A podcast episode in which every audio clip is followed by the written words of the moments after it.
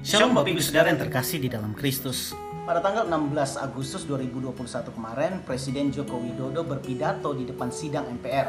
Sebuah pidato kenegaraan, pidato yang memberi kita ajakan serta arahan untuk mengarungi perjalanan bernegara kita. Paling tidak untuk menghadapi satu tahun ke depan perjalanan bangsa Indonesia ini. Ada misi yang harus diselesaikan dan kita harus mengarunginya secara bersama-sama.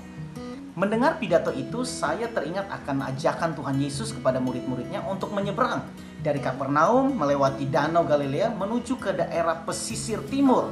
Nah, di sana dikatakan pada suatu hari Yesus naik ke perahu bersama-sama dengan murid-muridnya dan ia berkata kepada mereka, "Marilah kita bertolak ke seberang danau." Lalu bertolaklah mereka.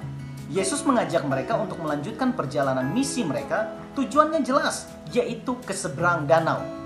Kata seberang bisa juga kita artikan sebagai desa seberang, ke kota seberang, di negara seberang, atau mungkin juga kepada tetangga di seberang rumah kita.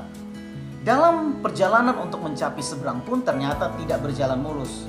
Ada gelombang badai yang menerjang kapal mereka, ada krisis yang harus mereka hadapi.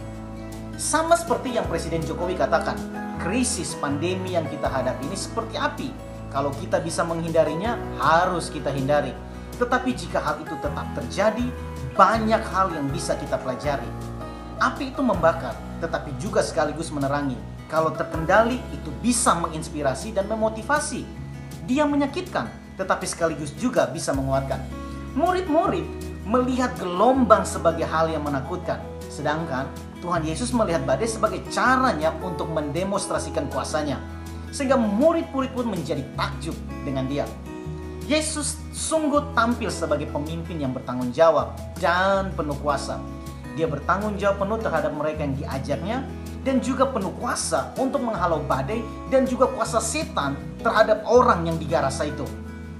Karena itu, saya sungguh percaya bahwa dia yang memanggil kita, mengajak kita untuk turut menyeberang menjalankan misi pekabaran Injil, ia tidak akan meninggalkan kita ia tidak akan membuat semua perjalanan ini menjadi sia-sia hanya karena badai yang menghalangi. Jika Tuhan sudah membawa kita sejauh ini, ia pasti punya tujuan yang jelas dan ia pasti bertanggung jawab. Pasti ada kemenangan di depan sana. Tetap kuat, tetap semangat.